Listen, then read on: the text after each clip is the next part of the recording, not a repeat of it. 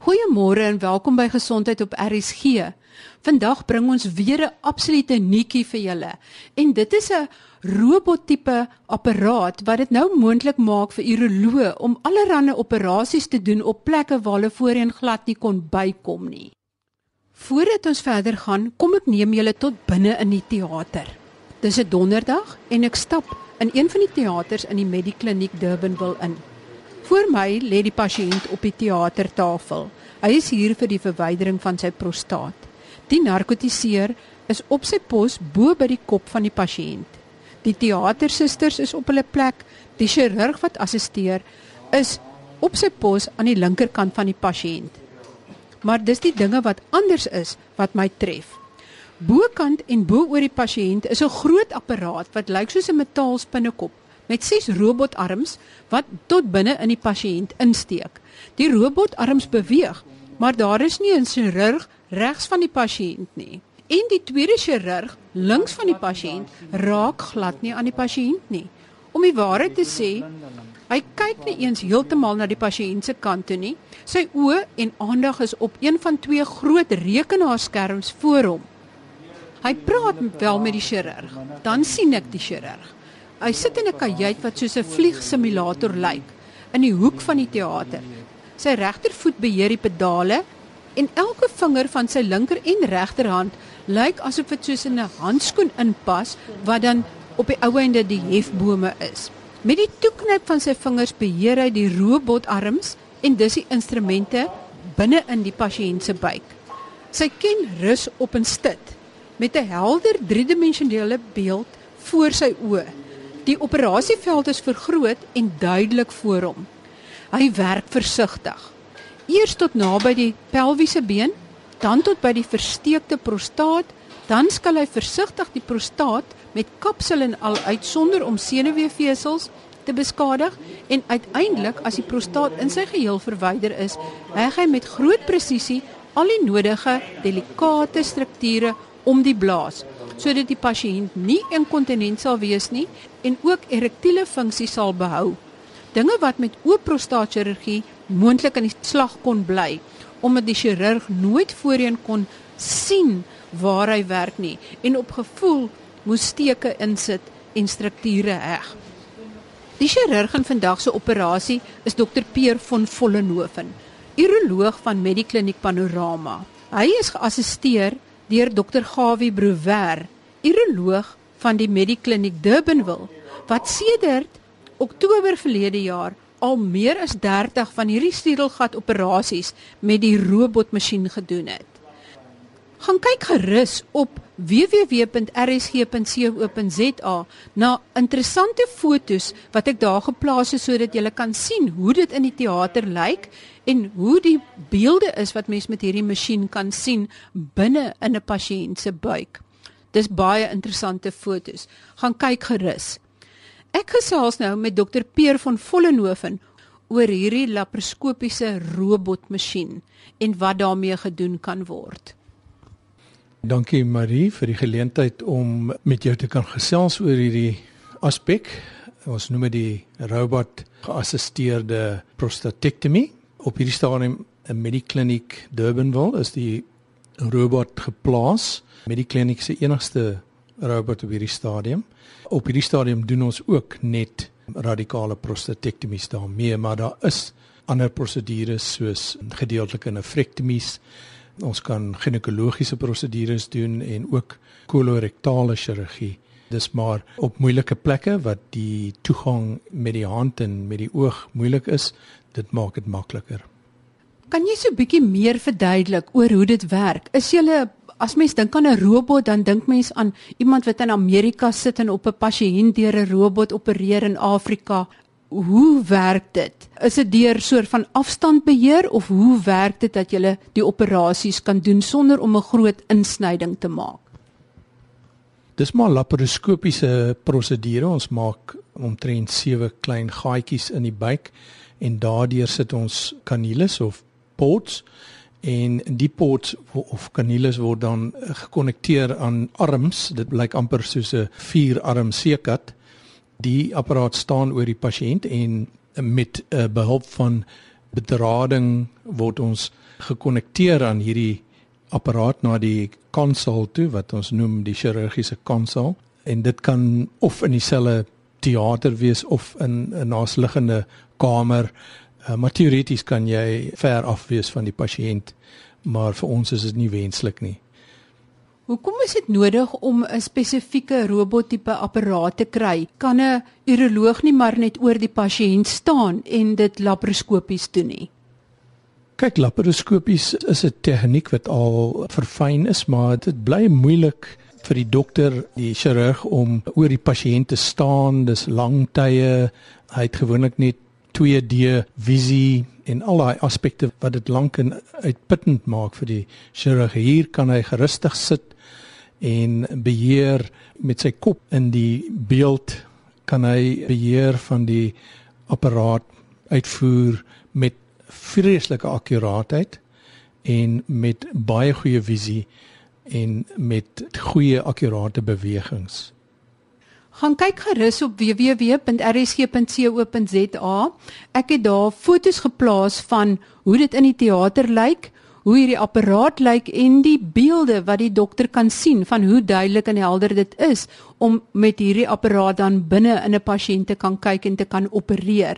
As jy dan nou 'n prostatektomie, dit is nou die verwyderinge van 'n prostaat doen, hoe lank sou dit julle gewoonlik gevat het en hoe lank neem dit julle met hierdie apparaat en wat is die voordeel vir die pasiënt?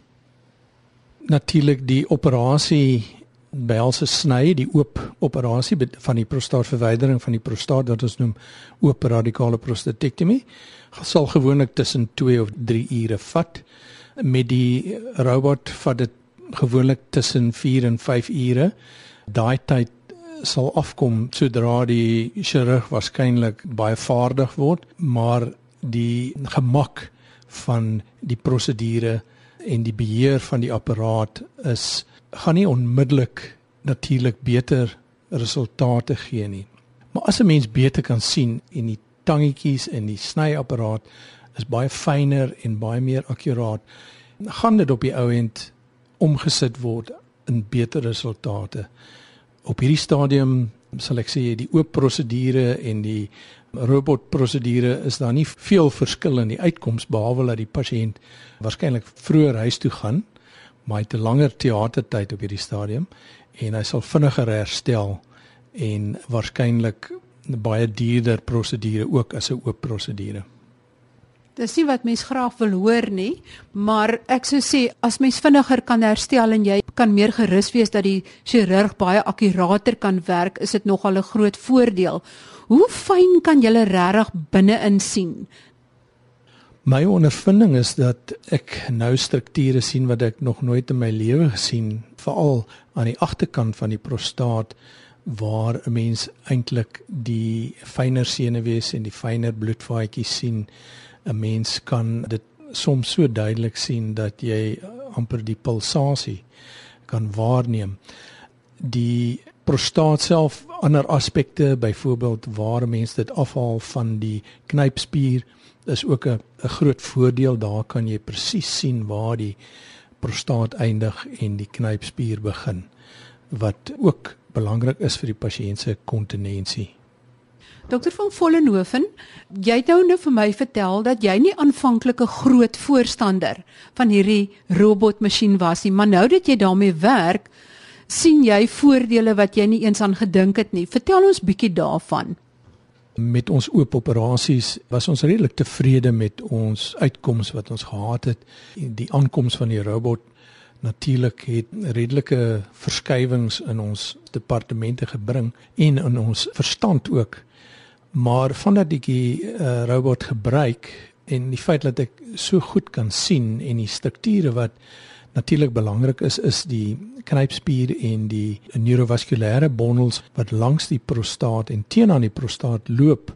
Die bewaring van hierdie strukture is so krities in die preservering van 'n man se belangrike funksies en eh, met beter visie en fyner instrumente glo ek dat dit die voordeel bo die oop operasie sal wees. En ek dink die robot is uh, om mense so vinnig as moontlik ook terug te kry in hul werksomgewing en nie noodwendig 6 weke af te wees van die werk. Met ander woorde, daar is 'n kleiner kans vir inkontinensie vir 'n blaas wat lek en 'n groter kans vir die man dat hy sy manlike ereksie kan behou. Ek dink dit is 'n geweldige voordeel vir die man en dat hy dan baie korter in die hospitaal is en gouer kan herstel. Ek dink nie die syfer van inkontinensie is noodwendig beter met die robot nie, maar omdat 'n mens beter kan sien, behoort dit definitief om te sit in 'n beter operasie.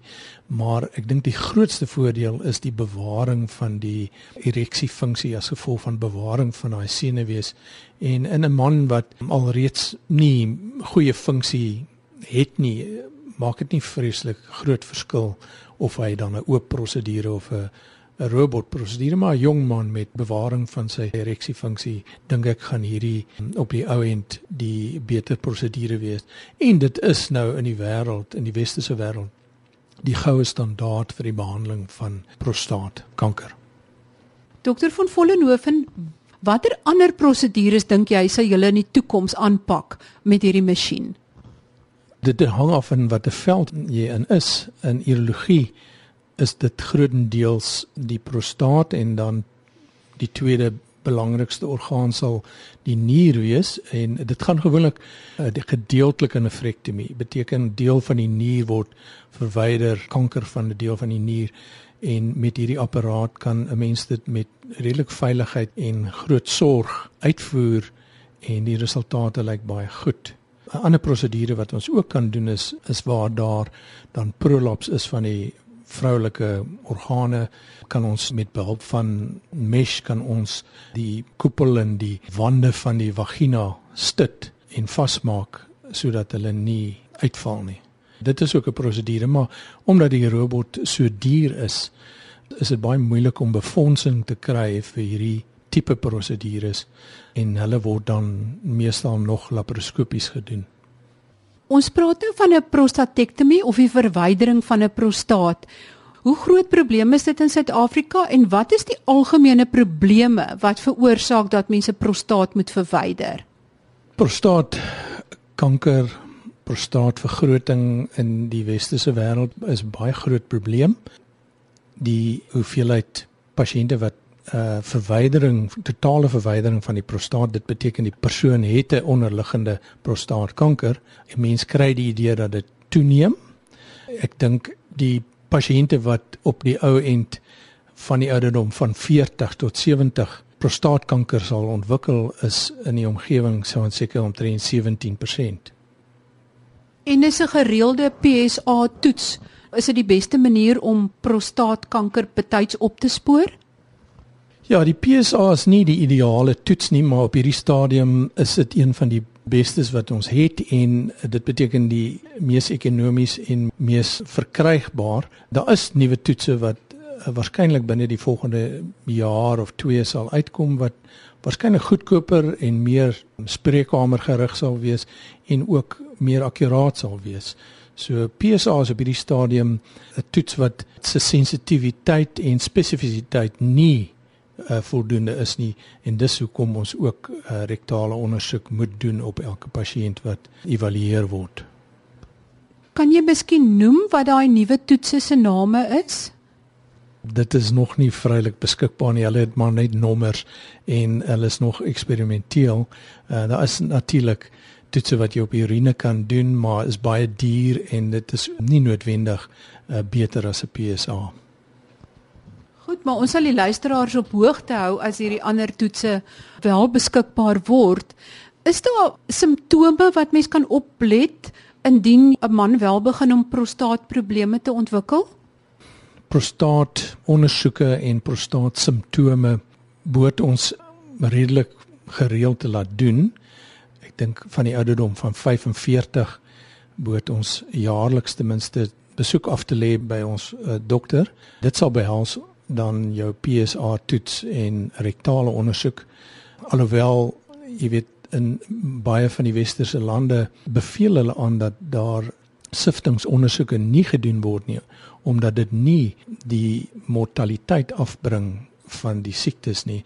Maar weer eens werk ons met individuele en uh, dit is baie moeilik om iemand met prostaatkanker te mis en die pasiënt voel hy's verwaarloos en meeste van ons urologe wil nie noodwendig in daardie presisie geplaas word nie. So as 'n pasiënt na ons toe kom vir ondersoeke sal ons gewoonlik die siftingsondersoeke doen en dan ook bepaal of hy obstruksie van sy uitvloei het. Ehm um, simptome gewys ehm um, wag ons nie noodwendig vir simptome vir die behandeling van prostaatkanker nie. Dit behels eerder om die pasiënt so vroeg as moontlik op te tel. Met obstruksie van uitvloei van die prostaat sal die pasiënt natuurlik verandering in sy urineringsbeeld ontwikkel en dit kan enigiets beteken van meer gereeld in die nag opstaan of langer neem om sy blaas te ledig of selfs baie keer meer dringend by die toilet moet uitkom. Is daar werklik 'n verskil tussen vroeë opsporing van 'n prostaatprobleem wat betref uitkomste en te laat opsporing? Ja, beslis. Prostaatkanker bestaan uit verskillende graderings en risiko's. Met ander woorde, jy kry 'n lae risiko siekte en 'n hoë risiko siekte. 'n Jong pasiënt met hoë risiko siekte wil jy graag so vinnig as moontlik opgetel word, want anders te gaan jy waarskynlik nie die pasiënt kan genees nie. Maar in 'n ouer persoon met lae risiko siekte is dit nie so belangrik nie, want die pasiënt gaan waarskynlik nie uh, las van die probleme hê in sy lewe nie. So dit wissel, maar ek vertrou dat as jy 'n familiegeskiedenis het of broers of 'n vader wat prostaatkanker het op 'n jong ouderdom, dit beteken waarskynlik onder die ouderdom van 60 wat dit gediagnoseer is, sal hulle waarskynlik 'n hoër insidensie hê van prostaatkanker in hulle familie en daai groep pasiënte moet dan ook vroeër ondersoek word. Baie dankie. Dan net 'n laaste vraag want verskeie luisteraars het al daaroor gevra. Inkontinensie by mans of vroue. Wat is die manier wat dit behandel word? Dis 'n vreeslike lang antwoord, maar in kort, ek dink die oorsaak is anders. Mans inkontinensie is gewoonlik dan of as gevolg van versteurde blaasfunksie of na 'n chirurgie waar hulle dan in hulle self inkontinent bevind. Gewoonlik is dit tydelik van aard en sal uh, herstel. Met hierdie tipe van inkontinensie as dit blywend is, sal 'n mens dan byvoorbeeld sfinkter implantering kan doen. Dit is 'n 'n kunsmatige knypertjie wat ingeplant kan word by 'n man met inkontinensie, blywende inkontinensie na byvoorbeeld 'n radikale prostatektomie. In vrouens is inkontinensie 'n bietjie anders. Meestal van die tyd die blaas die probleem is. Met ander woorde, die blaas trek onwillekeurig saam of die knypertjie werk nie meer so goed nie of daar's afsakking van die blaas wat lei tot onbeheerde lek. Die oorsake en die herstel van dit is veelvoud. Maar ek neem aan is gewoonlik nie net 'n pilletjie wat jy kan drink nie. Daar is ehm um, pilletjies vir 'n blaas wat ooraktief is, maar die pilletjies het baie neeweffekte en hulle is maar 60% effektief. Dit beteken 60% van die mense sal 'n respons hê. Maar daar is verskeie ander metodes wat inkontinensie herstel kan word en ek dink enige persoon wat lek moet 'n uroloog een of ander stadium sien want ons kan gewoonlik ehm um, iets doen vir almal. Baie dankie dokter van Vollenhoven. Dit is baie interessant om altyd te verneem van hierdie dinge wat mens gedink net in die toekoms lê en so futuristies klink dat dit nou met ons is en dat dit dokters kan help om dinge beter te doen as voorheen. Ja, dankie. Ek dink ons gebruik die apparaat en die tegnologie om beter kwaliteit prosedures vir die pasiënte te bring, maar ongelukkig baie keer gaan dit ook gepaard met hoër kostes maar aan die einde van die dag as dit beteken dat die pasiënt eh, vinniger herstel en minder komplikasies dan verwelkom ons hierdie tegnologie. Dit is aan al vir vandag. Ek wil net baie dankie sê aan dokter Peer van Vollenhoven en dokter Gawie Brouwer van Medikliniek Durbanville wat my toegelaat het om die operasie by te woon en net 'n laaste opmerking van my kant af. As pasiënte besef met hoeveel noukeurigheid en aandag en fokus dokters operasies doen sonder om tyd te verloor of om dit te stadig te doen, sal pasiënte werklik waar nie een sekond kla oor enige rekening wat 'n chirurg of 'n narkotiseer aan hulle stuur nie. Want ek kan vir julle sê met al die talle en talle operasies wat ek reeds bygewoon het, val dit my elke keer op met hoeveel noukeurigheid en aandag en presisie dokters opereer. Tot volgende week dan. Totsiens.